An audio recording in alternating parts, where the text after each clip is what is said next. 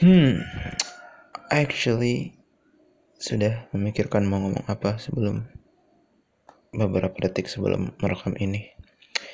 Saya bakal ngomongin tentang aduh lupa lagi namanya. Yeah, Black. Odysseus ya, Odysseus. Intinya ngomongin tentang Odysseus dalam kisah Odyssey-nya Homer dan Pulp Fiction.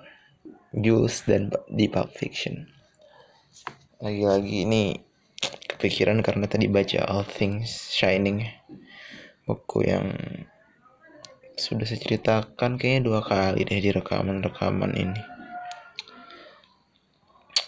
Um, intinya Homer tuh adalah seseorang yang masih diperdebatkan apakah dia benar-benar orang atau dia cuman kayak fiksi. Eh ya cuman kayak sebetulnya adalah kumpulan dari orang aja gitu. Jadi gini. Um, jadi ada sebuah kanon buku ibaratnya kitab suci dalam tanda kutip. Kitab suci sih kayak sebuah cerita epik lah yang sebuah cerita epik yang bernama Odyssey saya nggak tahu kisahnya tentang apa aja intinya kisah epic lah. Petualangan yang seru gitu tentang perang Troya I guess. Lupa juga.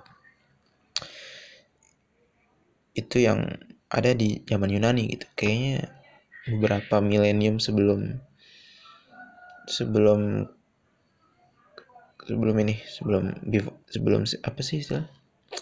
Before century ya. Intinya sebelum sebelum adanya Yesus lah gitu. Sebelum abad ke satu ibaratnya. Jadi mungkin kayak beberapa milenium sebelum itu atau beberapa ratus tahun saya juga nggak gitu tahu. Tapi intinya lahir di zaman Yunani cerita itu dan ada perdebatan kayak apakah cerita itu ditulis oleh salah satu, satu orang saja bernama Homer ini atau sebetulnya itu adalah cerita yang terus menerus diperbarui dari generasi ke generasi. Cuman ya udah nama Homer tuh jadi kayak nama penulisnya padahal itu adalah hasil kolaborasi dari generasi ke generasi. Jadi nggak tahu juga tuh. Lagian zaman dulu kan kayaknya it's more oral ya lebih ke verbal kayak tradisi penceritaan kayak nggak benar-benar dicatat gitu. Jadi I think kayaknya lebih ke kolaborasi cuman I don't know. Tapi intinya itu cerita epic lah dan penulis dari All Things Shining sebuah buku yang saya baca ini All Things Shining ini terbit 2011 jadi dua milenium setelah setelah kematian Kristus. Um, dia menulis bahwa dalam kisah dalam kisah Odyssey ini di mana sebuah tokohnya bernama Odysseus I think itu ada sebuah peristiwa di mana ketika dia berperang gitu dia tertangkap oleh musuh. Dan enam orang musuh mencoba menembak eh mencoba menombak dia itu dalam jarak yang sangat pendek gitu. Mungkin cuman 2-3 meter. Intinya intinya dalam jarak yang sangat pendek gitu. Orang ini menombak dia. Ada enam orang musuh yang menombak dia. Ada enam tombak yang mencoba yang dilemparkan kepada si Odysseus gitu yang mana seharusnya dalam keadaan yang normal 99% it will mengenai badan dia gitu dan uh, matilah dia si Odysseus. Tapi ternyata yang terjadi dalam kisah Odyssey karangan Homer ini adalah keenam tombak itu miss semua meleset semua. Dan kemudian ketika semuanya sudah meleset gitu kan Odysseus kemudian bergumam. Dia berpikir oh inilah hasil kerja waduh lupa lagi dewanya apa. Hasil kerja Athena mungkin atau Ares I don't know. Intinya dewa itulah dewa Yunani. Dan di sini dalam kisah Odyssey ini karangan Homer ada suatu apa ya?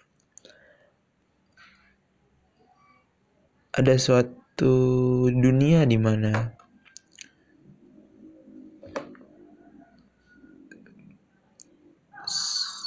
di mana kejadian-kejadian di dunia manusia diatur oleh para dewa gitu. Di mana keberuntungan dalam tanda kutip dilihat sebagai sesuatu yang bukan sheer luck sheer statistical probability yang yang kebetulan aja menguntungkan seseorang tapi itu adalah hasil kerja dewa gitu.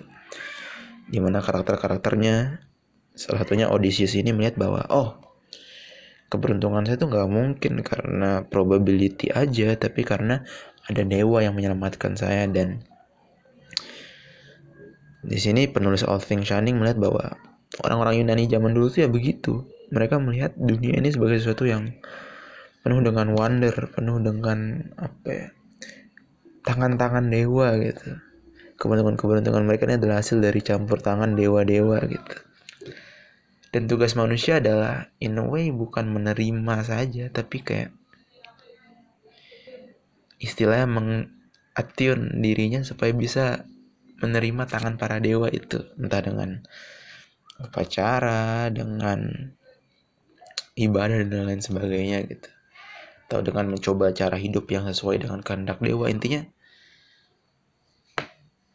uh, dunia manusia ini adalah dunia yang tidak pernah lepas dari campur tangan dewa-dewa dan hal itu penuh harus dilihat penuh dengan rasa syukur gitu dengan rasa takjub. Dan itulah dunia yang mengkonstruk itulah dunia yang terkonstruksikan pada Yunani kuno gitu. Yang terdeskripsikan tercermin pada karya Homer ini yang berjudul Odyssey gitu. Dan salah satunya pada peristiwa beruntungnya Odysseus ini gitu. Dan itu dikontraskan dengan Pulp Fiction. Dalam sebuah scene yang very very infamous ya. Di mana Jules dan I think Vincent Vincent Vega ya.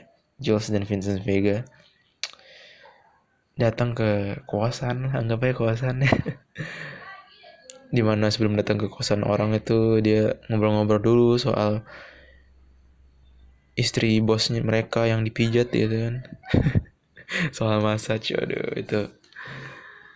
Ah aduh itu film yang seru lah. Percakapannya juga lucu aja gitu percakapan saya senang nonton film-filmnya Tarantino. Jadi intinya dua orang gangster ini datang untuk mengambil kembali koper bos mereka yang dicuri gitu kan. Mereka masuk ke kosan dan mereka menemukan itu empat orang pencuri ini di mana tiga terlihat dan satu masih sembunyi di kamar mandi tuh. Dan tepat ketika mereka mengambil kopernya dari pencuri ini tentu saja secara paksa karena pencuri-pencuri ini pencuri-pencuri klaster ya satu orang yang bersembunyi di kamar mandi itu muncul gitu. Dan menembakkan pistolnya sebanyak enam kali ternyata cuy. Saya baru dan enam kali itu maksudnya Homer pun di, di tombak sebanyak enam kali dan meleset semua. Dan di Pulp Fiction, Jules dan Vincent pun ditembak enam kali dan meleset semua oleh si orang ini. Gitu. Jadi saya baru tahu tuh, mungkin Quentin Tarantino juga baca Odyssey itu ya. Nah terus ya udah. Pada Odyssey-nya Homer, si Odysseus itu menganggap langsung menganggap ketika enam tombak itu meleset semua, wah ini keber ini hasil kerja dewa my friend gitu. Tapi yang menarik di Pulp Fiction adalah yang yang rilis tahun 2098 kayak 98 eh, 94 94 94 lah. Kayak 94 terdapat perspektif baru gitu yang menunjukkan betapa berkembangnya manusia perkembangan perkembangan pandangan hidup manusia sejak masa Yunani gitu. Di mana Jules si Jules ini yang diperankan oleh Samuel L. Jackson ya, tiba-tiba bilang kayak anjing ini ini sesuatu yang gila men. Ini sesuatu yang ini ada divine being yang turun ke sini men. Ada Tuhan yang turun ke sini untuk mencegah kita dari kematian. Ini ada sesuatu dari sini gitu. Perspektifnya Odysseus lagi-lagi. Meskipun beda kalau Odysseus tuh lebih kayak itu udah sehari-hari. Dia nggak kaget Odysseus ini. Dia dia nggak kaget dengan keberuntungan itu nggak kaget dalam artian oh ya udah ini emang seharusnya ada karena ada dewa-dewa ini. Tapi si Jules ini kaget gitu. Kayak wah ini divine being turun nih gitu.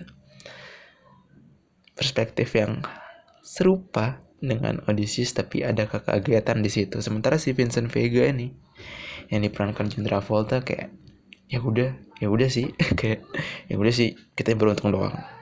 Lanjut aja kerja gitu. Yang ini yang yang apa ya? Yang ngasih perspektif dunia modern perspektif baru bahwa ya udah nggak ada.